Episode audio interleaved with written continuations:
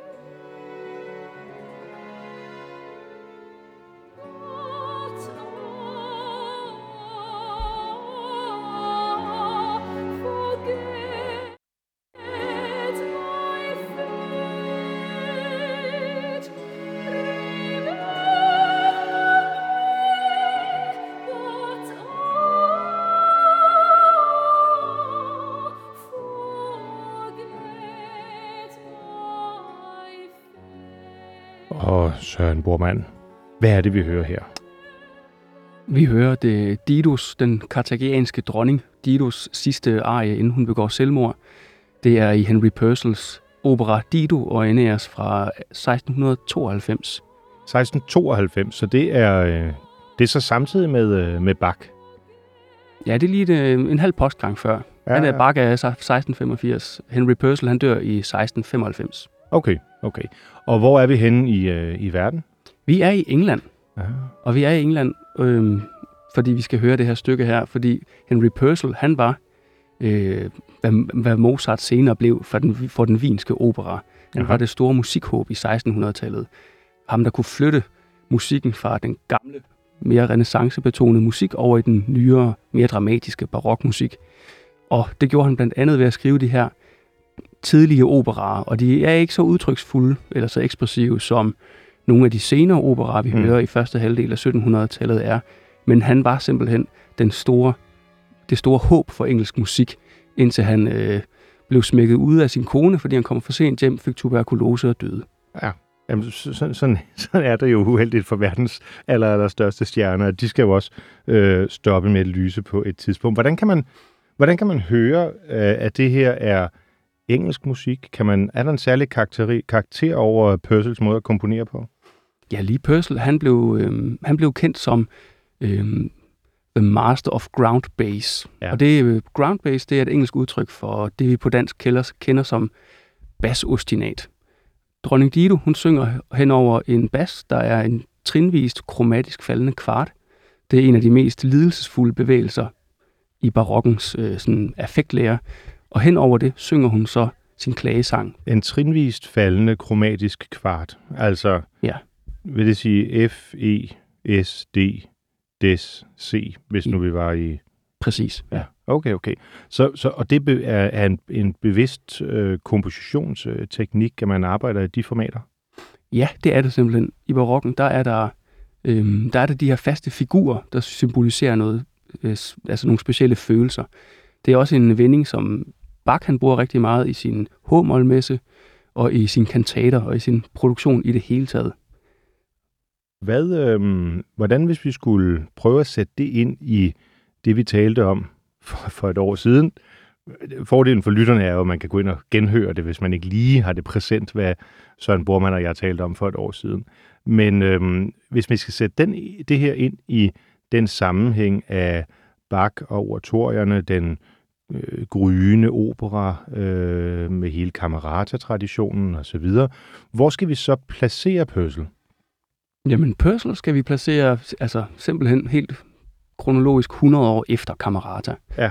Og øhm, Didos, øh, eller operaen, som satsen er fra, den hedder øh, Dido and Aeneas, altså Dido og Aeneas. Og det er den historie, man kan læse i Vergils Eneide, det her store romerske epos fra kejser Augustus tid. Det er i fjerde sang, at øh, hvad hedder det, den trojanske prins Aeneas, han simpelthen forlader Dido, fordi han skal ud og grundlægge det nye Rom. Mm-hmm. Eller undskyld, det nye Troja, som så bliver til Rom. Ja. Og derfor så er han nødt til, han er blevet forelsket i Dido, og så er han nødt til at forlade hende. Og det bliver hun meget ked af det over at begå selvmord. Et, et klassisk, kan man sige, antikt drama. Ja. Øh, eller en tragedie, øh, som, som vi kender dem. Så det er stadigvæk de øh, klassiske øh, fortællinger, som, som musikken his, historiemæssigt trækker på her. Øh, men hvis vi skal sætte det ind sådan også i en, i en musisk øh, sammenhæng, hvordan kan man så placere øh, Purcells måde at instrumentalisere på? Du taler om det her med kvartforholdene og sådan nogle ting, men hvor peger han hen af? Purcell han trækker på det, som Camerata faktisk øh, sådan bringer for dagen, det de skaber, den her monodi, det her recitativ, som vi hørte først i satsen under din indledning, mm-hmm. hvor der er nogle akkorder, og så bliver der egentlig ført mange ord hen over få akkorder, og det vender så, når arien begynder, altså der, hvor hun synger uh, When I Am Late um, in Earth. Ja. Og der, altså recitativet, den her form, recitativ og arie, det er faktisk den, som Camerata-kredsen simpelthen gyder grunden for. Ja. Jeg kan huske, at du øh, sidste år, øh, Søren Bormann, fortalte om det her med, at Bach tager øh, recitativerne til et nyt niveau. At op til Bach, øh, jamen der var det sådan noget, man fik sine elever til, eller noget, man gjorde med venstre hånd, og så fokuserede den store komponist på arierne. Øh, der, hvor solisterne rigtig kan brillere, og koret kan give den gas. Øh, er det det også, øh, gør, gør det så også gældende ved Pørsel? Lige ved Pørsel, der er det, altså hvis man går det her, det her recitativ igennem, øh, så er der faktisk nogle ret øh, bevidste hvad hedder det, måde at lægge toner på i relation til teksten, øhm, som jeg, ikke, jeg kan ikke sige med sikkerhed, hvad Pørsel har gjort, eller hvad han ikke har gjort. Men man kan i hvert fald se, at der er sådan et nært slægtskab med forudholdende i restativets melodi, der er meget tæt på indholdet i teksten. Mm-hmm. Altså når hun synger death, ikke, så er det på sådan en et none forudhold, altså en ret, en ret kras dissonans ja. i relation til den akkord, der ligger nedenunder, og det virker, det virker ikke tilfældigt. Og det er jo også det, som vi, øh, vi fandt eller finder hos Bach. Jeg kan huske, du nævner fra øh, Matthæus-passionen det her med, at der er et sted, hvor Jesus i Matthæus-passionen skal sige øh, de ganze Welt, og hvor, øh, hvor der er et helt oktavspring på gans, altså for at understrege, at det er, det er den hele. Øhm, og er, er det den samme tankegang, vi allerede finder hos Purcell i virkeligheden? Jamen, det kan være lidt svært at sige, altså faktisk, fordi øh, altså Bach, han er simpelthen så utrolig minutiøs i sine recitativer, og det gør sig gældende i hele hans produktion. Øh, men Bach, han skriver jo også i, altså i højbarokken, altså i en tid, hvor musikken egentlig er ved at udvikle sig internationalt i en anden retning. Altså men, noget tidligere end, end Purcell? Eller øh, noget senere? Noget senere, noget ja, senere ja, ja, ja, netop. netop øh, men altså, Bach han er meget bevidst om sin arv og sin, øh, hvad hedder det, de forskellige stile, der ligger i den, den italienske musik, den engelske og den franske musik. Så Bach har kendt til Purcells musik? Kan man høre det? Det var et godt spørgsmål. Det ved jeg faktisk ikke. Nej. Øhm, Nej, jeg spørger helt åbent, ja. fordi vi jo sidst talte meget det her med at stå på skuldrene af hinanden og sådan nogle ting. Og det kunne godt være, at man, øh, altså så mange store internationale komponister har der vel ikke været i den tidlige barok, tænker jeg. Nej, det tror jeg heller ikke. Altså, og de har jo været tilknyttet operahuse i nogle byer, og der har de været kendte. Indtil, altså, så har der været nogle ved hofferne, Lully øh, i Frankrig i 1600-tallet, Hentel senere i øh, England, som så derfra har fået altså simpelthen mulighed for at få udgivet sin musik. Ja. Og det er sådan en, det er, det er ikke alle for ondt i barokken at få udgivet sin musik og på den måde blive kendt. Men det kan være, at øh, også i den henseende Purcell og hans landsmænd har haft splendid isolation for øje, ligesom Churchill 400 år senere havde det politisk. Det ved vi, det ved vi så ikke, men at musikken blev international, det, øh, det, det, det synes at, at stå fast. Ja, det gør det. Og der kan man trække på øhm, altså den se, lidt senere franske Rameau. Ja. Han skriver opera med altså mytisk forlæg, ligesom øh, Purcell har gjort. Kaiser, Reinhard Kaiser i Tyskland, som vi talte om sidste gang, gør det. Og man kan simpelthen også se, at øh, Händel også arbejder lidt derhen af. Så det er simpelthen en stil, der findes i, eller det her med at bearbejde antik mytestof, det er noget, der blev udviklet sig i Italien, Tyskland, Frankrig og England mm. i løbet af 1600- og 1700-tallet. Mm. Og ikke mindst jo øh, også hos, øh, ja, jeg ved ikke, om man kan sige lidt, det er mytestof hos Bach, fordi det er jo passionshistorierne. Ja, det Så jo der er vi jo noget ja. lidt i en, i en anden genre, øh, men alligevel der, hvor man kan sige, der er tale om, om ja, religiøse, det er guder, det er så en gud, øh, men, øh, men i hvert fald noget af det, som, som fortællingsmæssigt binder et folk sammen, det er den fælles kulturarv, vi har med at gøre her. Og øhm, for at komme lidt videre, fordi vi skulle jo helst gerne nå det, som vi så øh, for et Rigtigt, år ja. siden ikke nåede, så kunne det være, at vi lige skulle høre lidt af øh, Matteus passionen, for ligesom at starte, hvor vi, hvor vi sluttede. Og du har, da, da, du har taget en bestemt passage med. Ja, det har jeg, og det er faktisk lige præcis den, vi sluttede med sidste gang. Mm-hmm. Og det er for, at vi lige får lejlighed for at høre noget af de her, vi talte om, altså hvordan Bach i sine recitativer simpelthen laver musikalsk teologi. Jamen, så lad os prøve at høre lidt af det.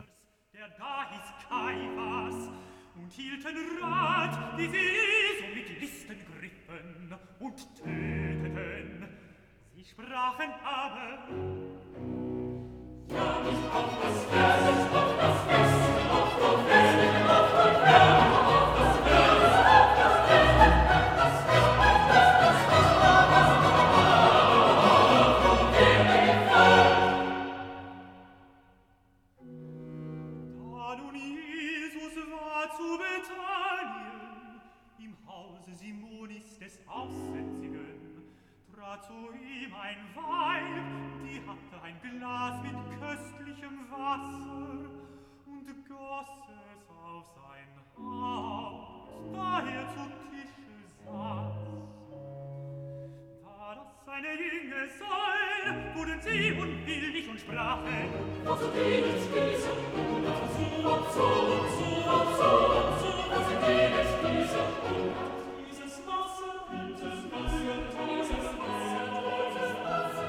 Vi hører her fra første del af Matthæus øh, passionen med evangelisten og koret.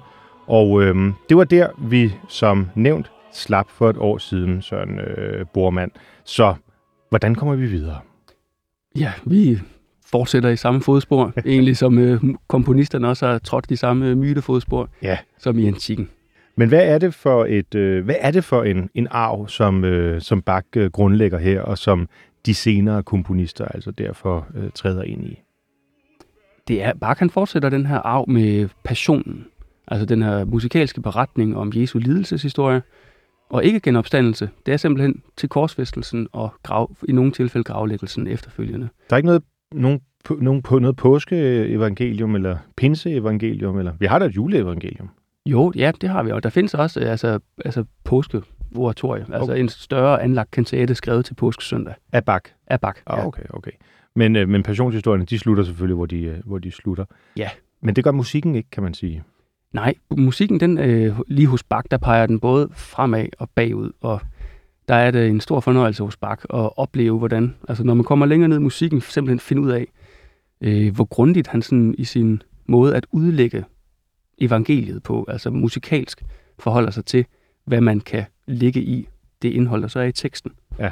Og der ligger han, øh, altså de her virkemidler, der er i passionerne, de er taget fra operaen, den samtidige opera. Fordi hvis man for eksempel øh, ser på Bachs forgænger, Kuhnau i Leipzig, øh, så kan man se, altså han har også skrevet en passion, og den er bare meget mere arkaisk, meget mere gammeldags og bagudskuende. Kedeligt. Ja, på en måde.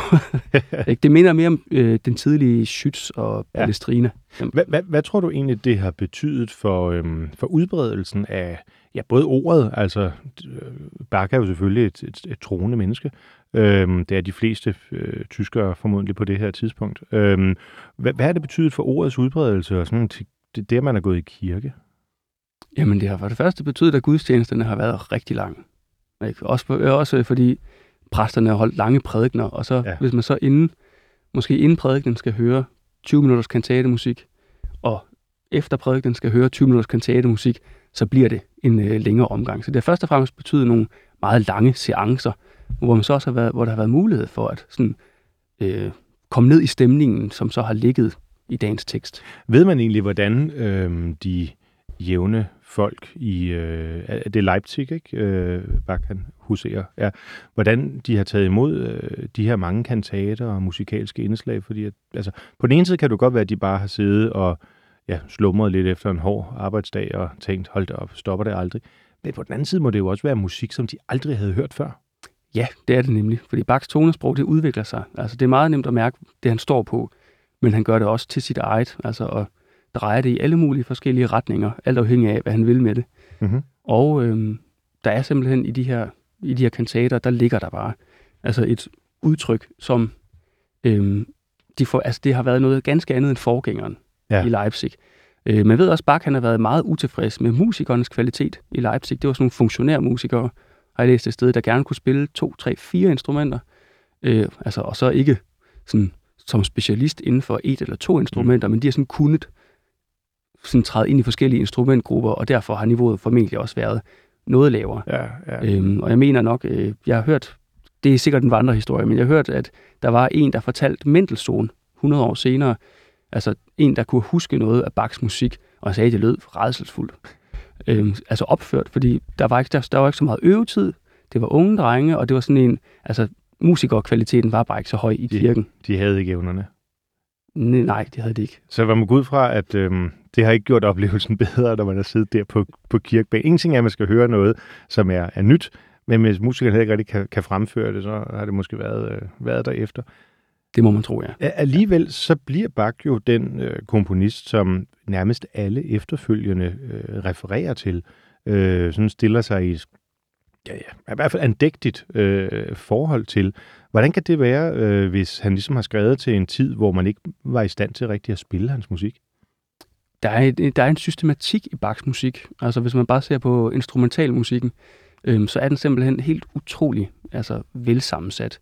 Og man kan gå, øh, hvad hedder det, der svoltempererede klaverbind 1 fra 1722 efter, og så til det samlede antal takter, mener jeg, ellers er det toner, og så finder man ud af, at det passer med hans navn i talalfabetet. Minus 3, fordi Bach er ikke perfekt, det er kun Gud. ikke? Så på den måde, så er der, der ligger enormt mange betydningslag, som man så også har været med til at udforske, efter Mendelssohn han ligesom lavede den her Bach-renaissance i 1829, Ja. hvor han opførte Matthæus-passionen. Det virker jo øh, nærmest overmenneskeligt, øh, også at skulle kunne tage hensyn til alle mulige matematiske spidsfindigheder i musikken, samtidig med, at det faktisk, i hvert fald i dag, lyder sindssygt godt. Det er, det er simpelthen en kraftpræstation. Også det er skrevet under tidspres, Mm, ja. ikke? under krav om, at der skal leveres musik. Når man er musikansvarlig i, i kirker på det her tidspunkt, så er det man, altså så finder man ikke musik fra Wilhelm Hansen i sagens natur. Nej. Altså man, skriver, man sørger for at skrive det selv. Det er hurtigere, og man kan skrive til dem, man har, de musikere, man har til rådighed. Og, øhm, og det er han jo ikke den, den eneste, øh, der gør. Det vi øh, drøftede øh, sidst, det var det her med, om man kunne tillade sig at kalde Bachs øh, passioner for en, for en, øh, for, for en første version af noget operaagtigt. Øhm, og det kan man jo både sige ja og nej til. Det kan man lytte øh, om for, for et år siden. Mm. Men, men operaen er jo begyndt at vinde udbredelse her på det her tidspunkt i, øh, i 1720'erne og, og 30'erne. Øhm, især i Italien, men måske også videre rundt omkring i Europa. Øh, kan du sige lidt om, hvordan de to ting står i forhold til hinanden? Ja, altså Bach han skriver sin musik, og i de her oratorier og kantater, der gør netop brug af recitativer og arier og korsatser, instrumentalsatser, alt sammen noget, man allerede hos Monteverdi i 1607 faktisk ser anvendt. Så Bach han stiller sig ovenpå, øh, sige, man kan sige, musikdramaets skulder fra Italien, og så lægger han simpelthen det ind i en ny religiøs, mm. kristen sammenhæng, og trækker på, øh, hvad hedder det, de virkemidler, han kender simpelthen fra den værtslige musik. Og det der falder nogen for brystet i Leipzig, hans Johannes Passion, øhm, som er, altså hvis man sådan går den lidt efter, så kan man godt se, altså der er faktisk knald på virkemidlerne. Altså han holder ikke, sig ikke tilbage. i den. Og det efter sigende, så var der folk, der udvandrede under første øh, opførelse af den, eller efter den var blevet opført og sagde, det er jo opera. Ah, så, så folk synes simpelthen, det var blevet for værtsligt. Ja, og det ligger simpelthen i altså virkemidlerne, ja. og den måde, han øh, instrumenterer på og arrangerer og komponerer på. Interessant. Mm. Nu siger du, det er, det er dramaerne, og øhm, der er jo en vis sammenhæng, som vi var inde på før, med, med de antikke øh, tragedier, dramaer og så passionshistorien. Det, det, det er en dramatisk øh, fortælling, som enhver, der har læst det nye testamente, vil, vil være bekendt med. Øhm, men det er jo ikke al musik på det her tidspunkt, der er dramatisk, kan jeg forstå. Nej, der er, hvad hedder det, musikken i kirken, øh, som jo, altså hos, hos Bach og Hentel også tidligere, i den musik, han så også skriver, både før og efter Bachs Matthæus Passion, øh, der er det, der, den har den her dramatik her. Øh, der er også meget af det, der ikke har, øh, fordi det er simpelthen tænkt på en anden måde. Og meget af, altså der hvor Bachs musik ligesom ikke, altså Bach han skriver ikke opera, men kommer noget tæt på med sine verslige kantater, øh, der er der jo mange af de andre samtidige komponister, der forholder sig til de her seriøse operaer, mm. altså de alvorlige myter. Altså så for eksempel Purcells Dido og Aeneas. Men sideløbende, så udvikler der sig også en ny genre, en undergenre, som er den komiske opera. Buffa. Buffa, ja. Aha. Opera buffo. Og det er simpelthen noget, der det er egentlig tænkt som øh, hvad hedder det, mellemspil. Altså sådan som for de folk, der blev siddende på publikumspladserne mellem akterne i en opera-serie, altså den alvorlige opera, så var der lidt let til dem.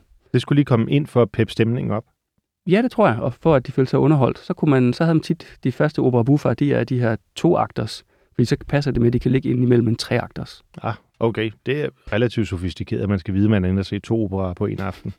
Nå, vi, øh, skal vi prøve at høre noget af den, øh, den tidlige opera buffa? Hvad er det? Det er, øh, det er Pergolesi, du har, du har valgt mm, med? Ja. ja. Hvad hedder værket? Det er La Serva Padrona. Åh oh, ja, oh, ja. Og det er intermezzoet fra første akt.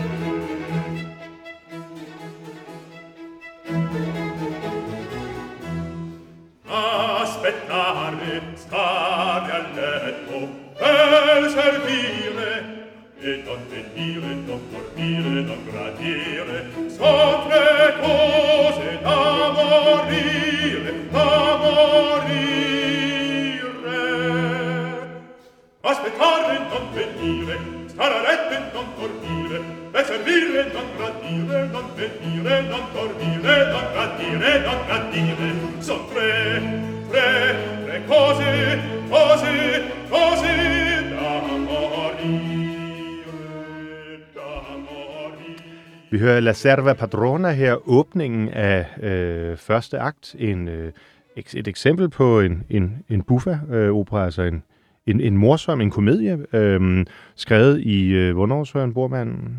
Den er skrevet i 1733. 33, yes. Så øh, vi er øh, i stadigvæk i, i, hvad kan man sige, operans tidlige formende år. Den genre er 100 år gammel, godt og vel.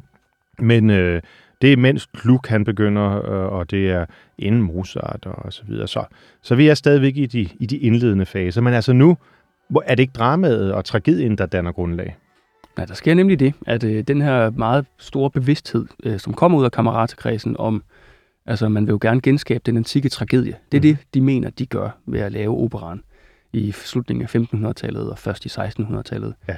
Øhm, men det er altså de, de seriøse emner, altså tragedieemnerne fra antikken. Ikke? Det er øh, Orfeus-myten, det er Ødipus, det er simpelthen de her tunge, stærke, alvorlige emner. Og det, ja. det gør de, fordi øh, Aristoteles poetik, som er et meget lille værk og helt exceptionelt indflydelsesrigt igennem vestlig litteraturhistorie de sidste 500 år, øh, det bestod oprindeligt af to dele. Et om tragedien, som er bevaret, og et om komedien, der er gået tabt. Ah. Så ved at en så vigtig mand som Aristoteles åbenbart ikke havde skrevet om komedien, gør, at man ikke rigtig regner komiske altså syngespil som noget af sådan rigtig musik. Og du siger gået tabt. Altså, det betyder, at det, det er sådan set skrevet, men, men man har det bare ikke. Ja, altså man kan se i andre skrifter fra antikken, altså der kan man læse, læse, at andre forfattere skriver om det. Og derfor ved man, at det har været der, men det har simpelthen gået tabt mellem antikken og renaissancen. Men var man opmærksom på det i uh, Camerata-gruppen der i, uh, i 1600 og, og 0'erne og 10'erne, at, at det havde været der? Ja, det er et rigtig godt spørgsmål. Der er, øh, altså de har jo helt klart et projekt, øh, Camerata-kredsen, med at få genskabt den antikke tragedie, Mm. øh, som de fokuserer meget på. Det er, hvad hedder det, de antikke tragedieforfattere, Aeschylus, og Sophokles og Euripides, de henviser til. Så om muligvis har de vidst det, men i hvert fald så vælger de meget specifikt tragedien.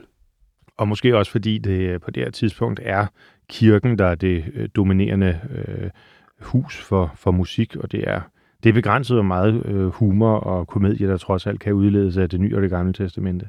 Ja, det er det, det er det. Men øh, den værtslige musik, den er faktisk, altså hvis man ser på alle de, øh, hvad hedder det, liturgiske spil og sådan noget, der har været i middelalderen, Ja. så har man været meget bevidst om det folkelige, altså vigtigheden af at gøre det folkeligt. Mm-hmm. Altså blandt andet også humoristisk i en eller anden forstand. Man ved ikke helt, fordi man har ikke så mange manuskripter overleveret, til at man kan ligesom sætte sig ordentligt ind i de her spil øh, fra middelalderen. Men øh, altså, man er meget bevidst om altså det folkelige element, at der ligger noget, en vigtig formidling i det. Det kender man også fra katedralernes kalkmalerier. Altså, Oh, ja.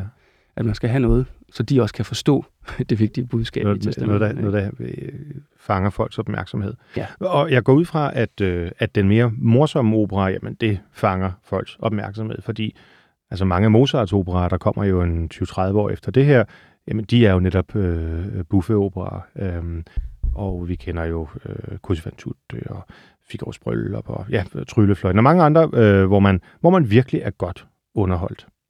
Hvordan går opera seria og opera buffa hånd i hånd i, øh, i de her år? De er, altså Pergolesi, han er en af de tidligste eksponenter for den her opera buffa. Øhm, det er tænkt sådan, at øh, opera seria, altså de alvorlige operaer, de er tænkt i tre akter, og så imellem akterne har der været noget pause, og for at have lidt underholdning til publikum der, så har man simpelthen lagt de her små øh, opera buffa ind. Så hvis man har en opera seria på tre akter, så er de tidlige opera buffer, og blandt andet La Serva Padrona, de er to akters, fordi så kan de kiles ind Altså, Som sådan lidt en benet underholdning. En, en, en, temmelig lang aften, man skal sætte af. Hvis du både skal nå at se en treakters serieopera, så lige også have en buffer ind imellem. Det er ikke noget, man klarer på tre timer. Nej, altså, det, for, nej, formentlig ikke. Altså, jeg kan se, de er ret korte. Altså, de, øh, Opera Buffa er kun øh, 40 minutter. Knap, Nå, Eller godt 40 minutter, så det er ikke, det er ikke to gange tre timer i hvert fald. Okay, okay så det er... det, er, det er lidt underholdning, også i formatet. Ja, okay. Ja, Mm. man er, jeg er ramt af eftertidens lidt mere sendrægtige udtryksform måske. Ja, Fordi operaerne øh, kommer jo, altså når vi springer en 100 år frem i tiden, så kommer det jo virkelig til at blive monumentale værker øhm, af en helt anden styrke og, og karakter.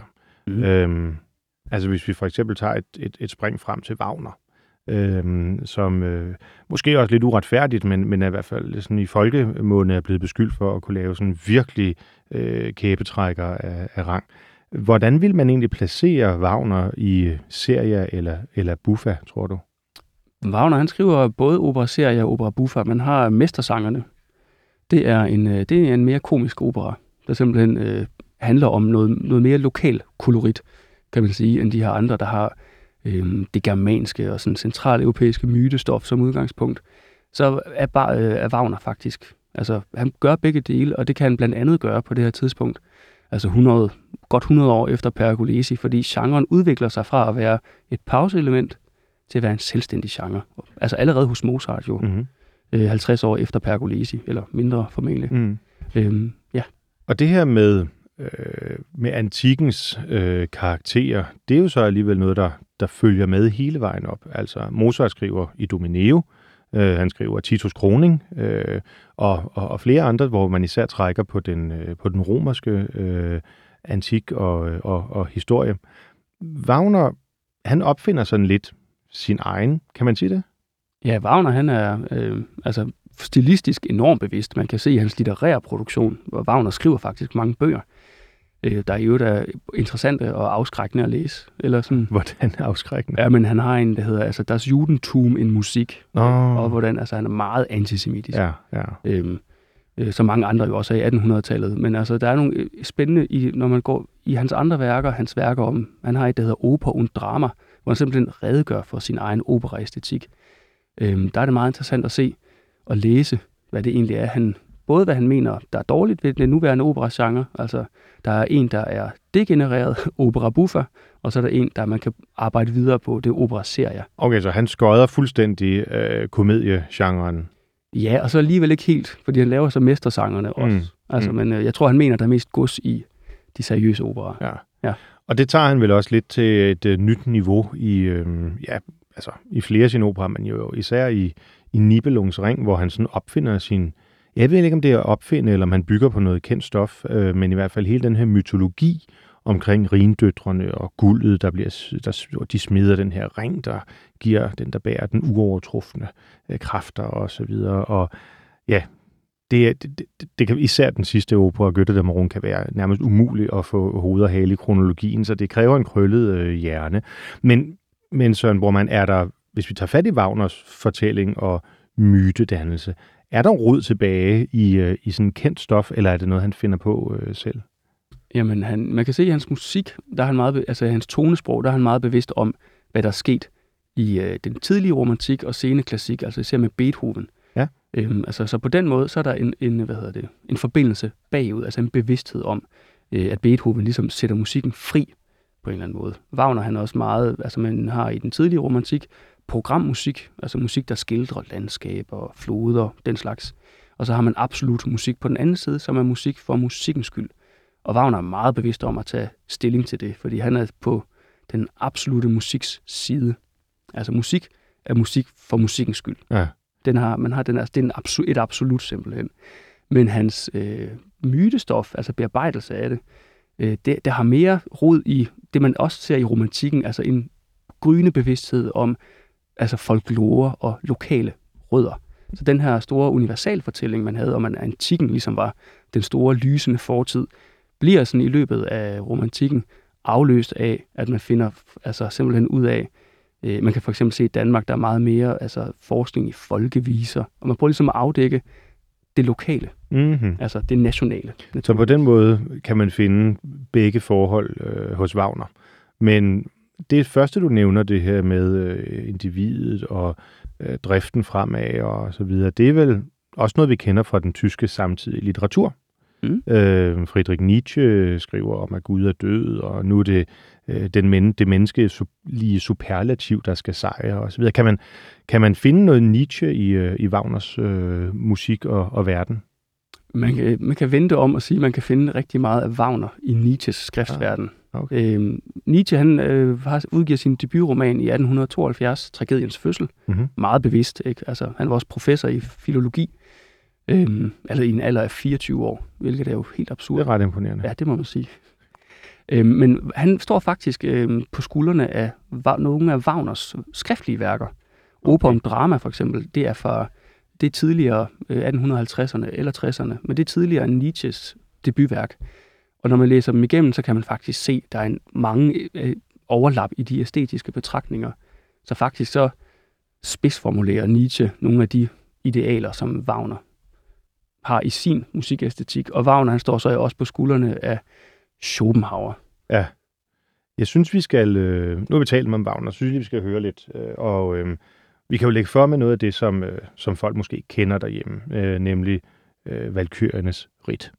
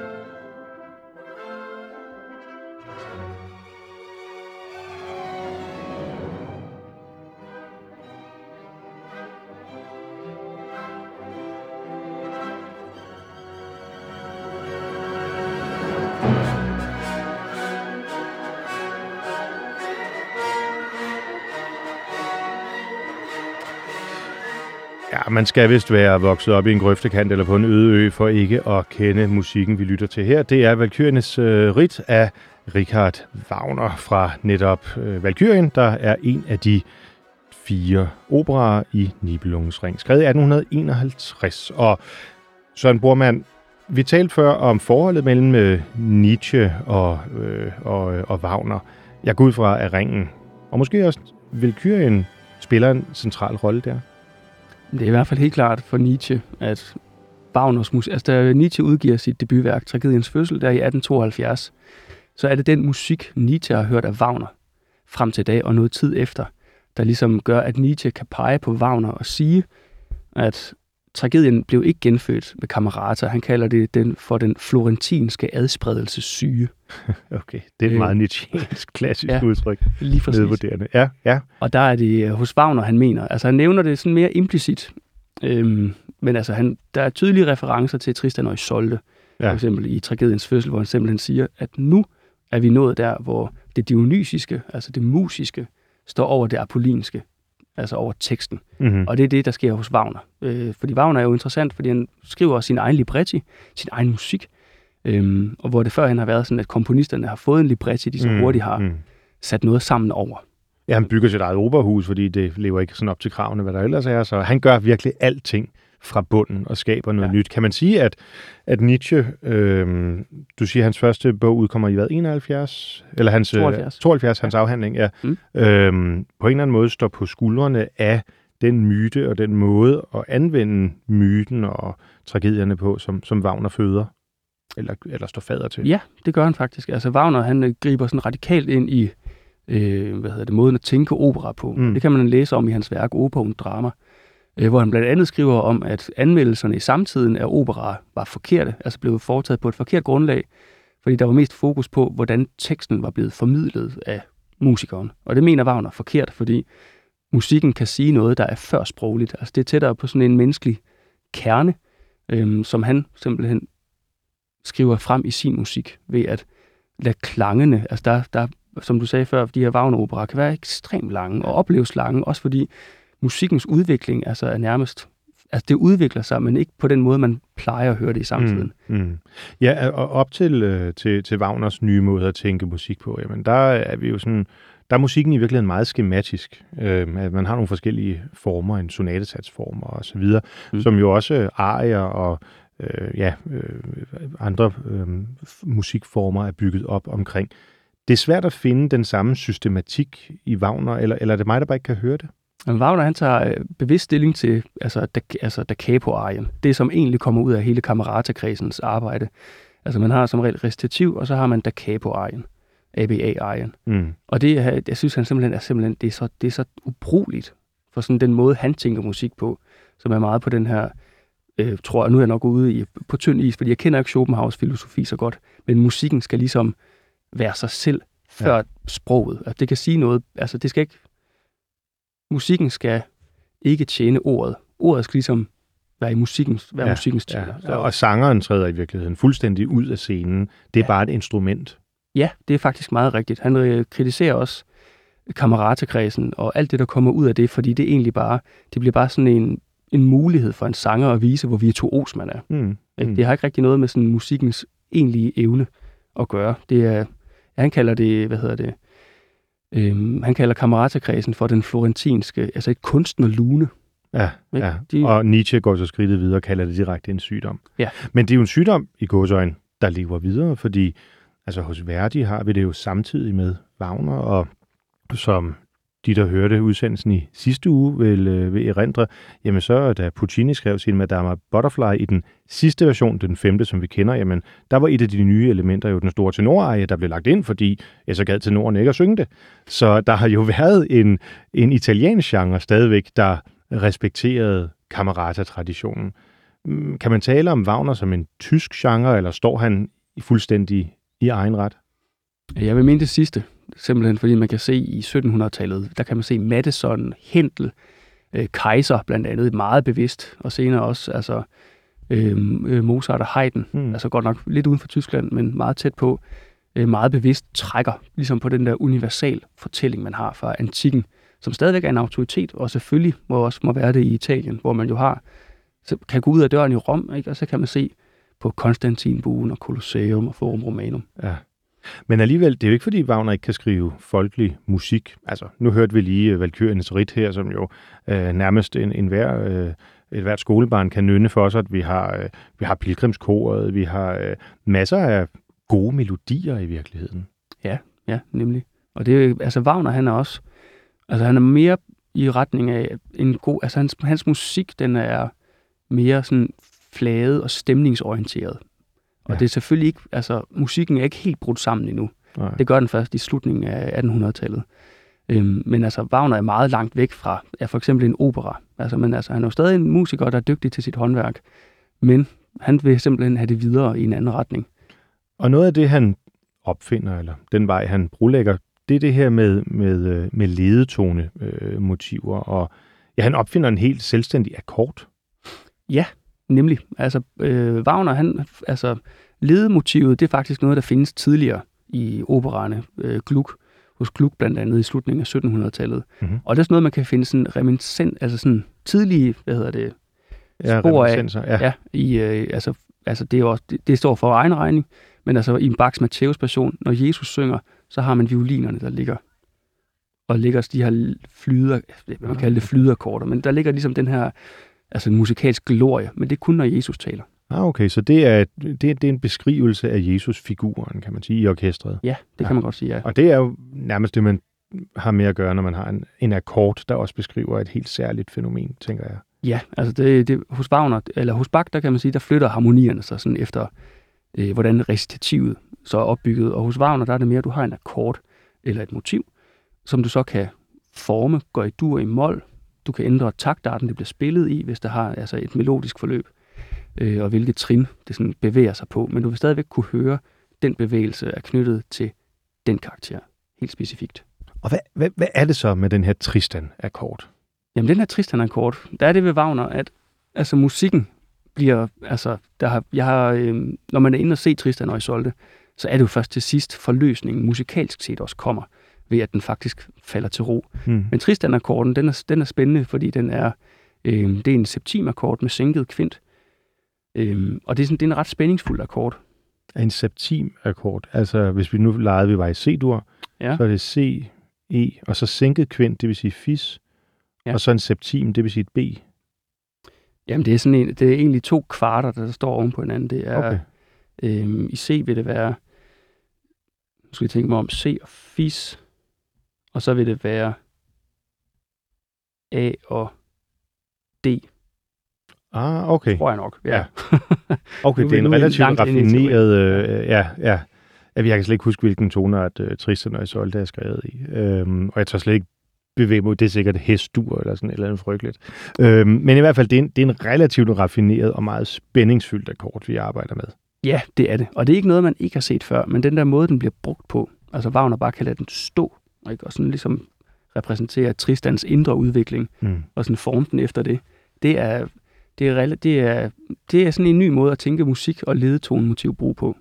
At det er så langsomt og så udtryksfuldt på samme tid. Fordi det er jo det er faktisk først det aller, aller sidste i operaen, at man så får forløsningen og kommer tilbage til en tonika-oplevelse. Ellers så sidder man med den der dominant, dominant spænding igennem flere timer. Jamen det gør man, og hvis man øh, går den efter, øh, altså den akkord, så peger den i mange retninger.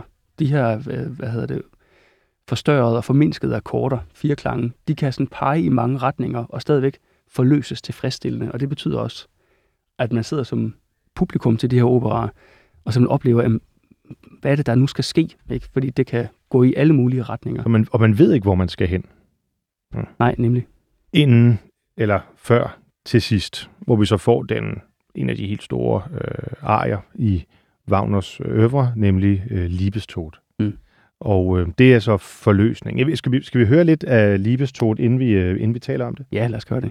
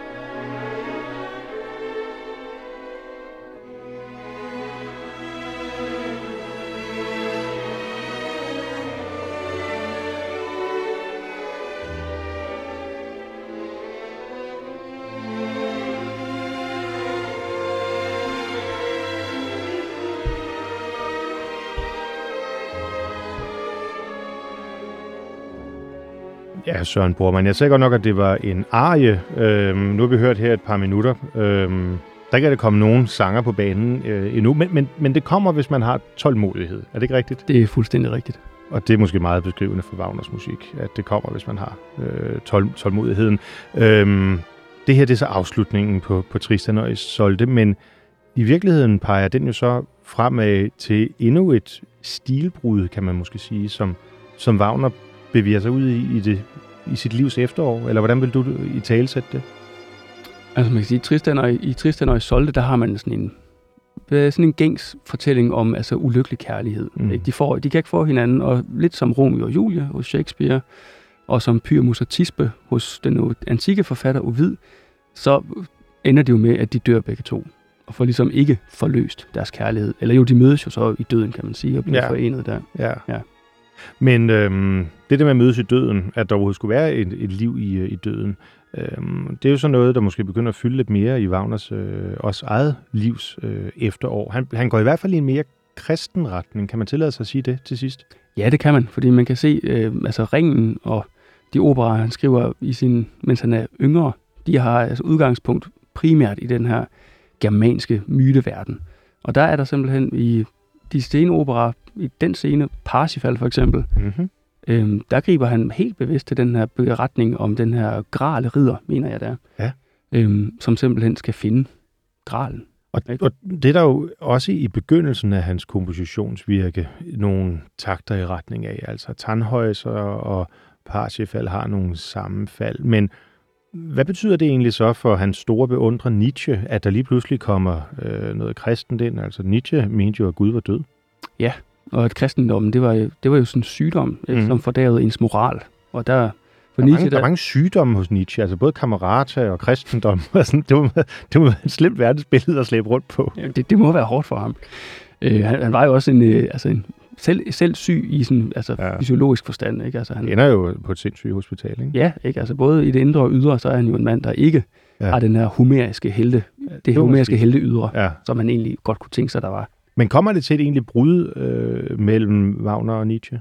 Ja, det gør det. Altså, man mener i Nietzsche-forskningen, at man kan se al, altså, spor af det allerede i tragediens fødsel fra 1872. Men i 1888, hvor Nietzsche han udgiver øh, hvad hedder det, bogen, værket, samle, tekstsamlingen Tilfældet Wagner, der er Nietzsche simpelthen, altså han har afskrevet Wagner helt. Han er færdig med den mand. Han er færdig med den mand. Og det er fordi Wagner, han, han be- begynder at være, altså han har et kristent projekt, Ja. mener Nietzsche. Øhm, og det kan man jo blandt andet se ved, at han bruger det, altså kristne myter i sine opera, og det mener Nietzsche, det er, det er meget forfærdeligt. Altså han kalder tilfældet Wagner, det er en meget munter bo- bog. Øhm, Nietzsche, han kalder Wagner det meste. Øhm, man kunne, altså han kalder ham en sygdom, en neurose. Ja, Ja, ja, ikke? ja. verden er syg for Nietzsche. Øhm, og han altså blandt andet, øh, så øh, bruger han sådan et Cicero-træk, som jeg har set i nogle af Ciceros taler med, hvis Nietzsche, han skriver så i tilfældet af Wagner, hvis nu det, der er kommet ud af, at vi har haft Wagners opera, blev levende og kunne tale, så vil det sige sådan noget med, det er bedre at skrive dårlige melodier end gode, for det kan publikum bedre lide. Mm. Og det er sådan, altså han er meget perfid, Nietzsche, over for Wagner. Det er sådan en, øh, altså en fornøjelse at læse, hvis man kan abstrahere lidt fra det. Ja, ja, ja, ja. Ja, det er meget muntert. Lad, lad, øh, altså, er, der, er der også en, en reaktion den anden vej, så at sige? Altså, øh, Wagner dør jo i 83, det vil sige, han øh, lever jo i øh, en, en 10 år, hvor, hvor Nietzsche spiller en central rolle på scenen. Vi ved jo, at Nietzsche skriver meget med danske Georg Brandes, som jo er en stor Nietzsche-beundrer osv., så han har været et internationalt navn. Er der også en reaktion fra, fra Wagner i forhold til Nietzsche, eller er han bare ophøjet ligeglad? Jeg hælder til at mene det sidste. Altså man ved, at de har været nære venner. Og Nietzsche, han har faktisk også skrevet noget musik, som han på et tidspunkt fik opført for Wagner. Ja. Og altså vandrehistorien er den, at Wagner han væltede ned af stolen og trillede rundt på gulvet af grin, da han Aha. hørte det. Og det har nok ikke været særlig, det har Nietzsche nok ikke taget så godt imod. Nej, man fornemmer ikke, at Nietzsche er sådan en person, der tager, tager kritik sådan, øh, sådan sær- særlig godt og konstruktivt imod. Nej, på ingen måde. I modsætning til Wagner måske. Nej, det tror jeg heller ikke. Jeg tror faktisk, de har været to matchende personligheder på deres egen, i deres egen sær, særenhed. Mm. Øhm, Søren Bormann, vi skal lige vende Parsifal, fordi øhm, det, øh, vi, vi lakker mod enden i, hvad der øh, ellers nok bliver vores sidste samtale her i Kammertonen, fordi programmet stopper jo med udgangen af, af marts. Men, øhm, men hvad skal man hæfte sig ved i forhold til, til Parsifal og det, og det, vi skal høre fra tredje akt? Jamen det, vi skal høre i tredje akt, det er simpelthen øhm, her, hvor vi, hvor vi kommer tættere på altså det, som hele operan drejer sig om, det der med at komme tæt på gralen. Ja. Øhm, og altså, vi har jo den tid, vi har i det her program her, så vi kan faktisk... vi skulle egentlig have haft 5-6 timer, så vi Ja. ligesom kunne hæfte os ved. Så kunne vi i hvert fald komme ned i, i, dybden med, med bak. Det, det kunne vi netop, ja, ja, præcis. Nej, Øhm, vi, vi, vi har desværre ikke mere tid end det. Øhm, og det er jo rigtigt, at det her, det slår jo så ligesom krøllen på, på Wagners øh, æra, og bringer den på nogen måde ham tilbage på sporet, kan man sige det, øh, i forhold til alt det, vi talte om før med Camerata og, øh, og den mere sådan tilgængelige musik. Ja, men man kan sige, at altså Wagner ved at gribe til altså et kristen mytemotiv, øhm, så er, træder han jo ind i en fortælling, der jo har altså mange år, 100, altså 1000 års erfaring, Mm. eller kend, det har man kendskab til i Europa især, og det betyder jo, at det er jo noget, som folk ligesom, altså er, er hvad hedder det, der er mere kendskab til det ude hos folket, end måske de her mere øhm, eklektiske tyske mytemotiver, som han Mm. især arbejder med tidligere. Mm. Men altså musikken, altså Wagners musik udvikler sig lige så stille, og han, han har den her meget ekstremt høje æstetiske krav til sin musik. Og det er jo formentlig noget, man kan sætte pris på, fordi der har været noget andet i samtiden. Men det har også været, altså det, er, det er svært tilgængeligt. Altså bare sit omfang af Wagners operaer svært, svært tilgængelig. Og med det, så afrunder vi øh, disse to udsendelser, der er sendt med et års øh, mellemrum med øh, Søren Bormann. Tusind tak for din meget indsigtsfulde betragtninger og også gode måde at, at fortælle det på. Jeg synes, det har været spændende, at det er overbevist om, mange lyttere også har syntes. Og øhm, ja, så lad os høre fra Parsifal, Nur eine Waffe taut.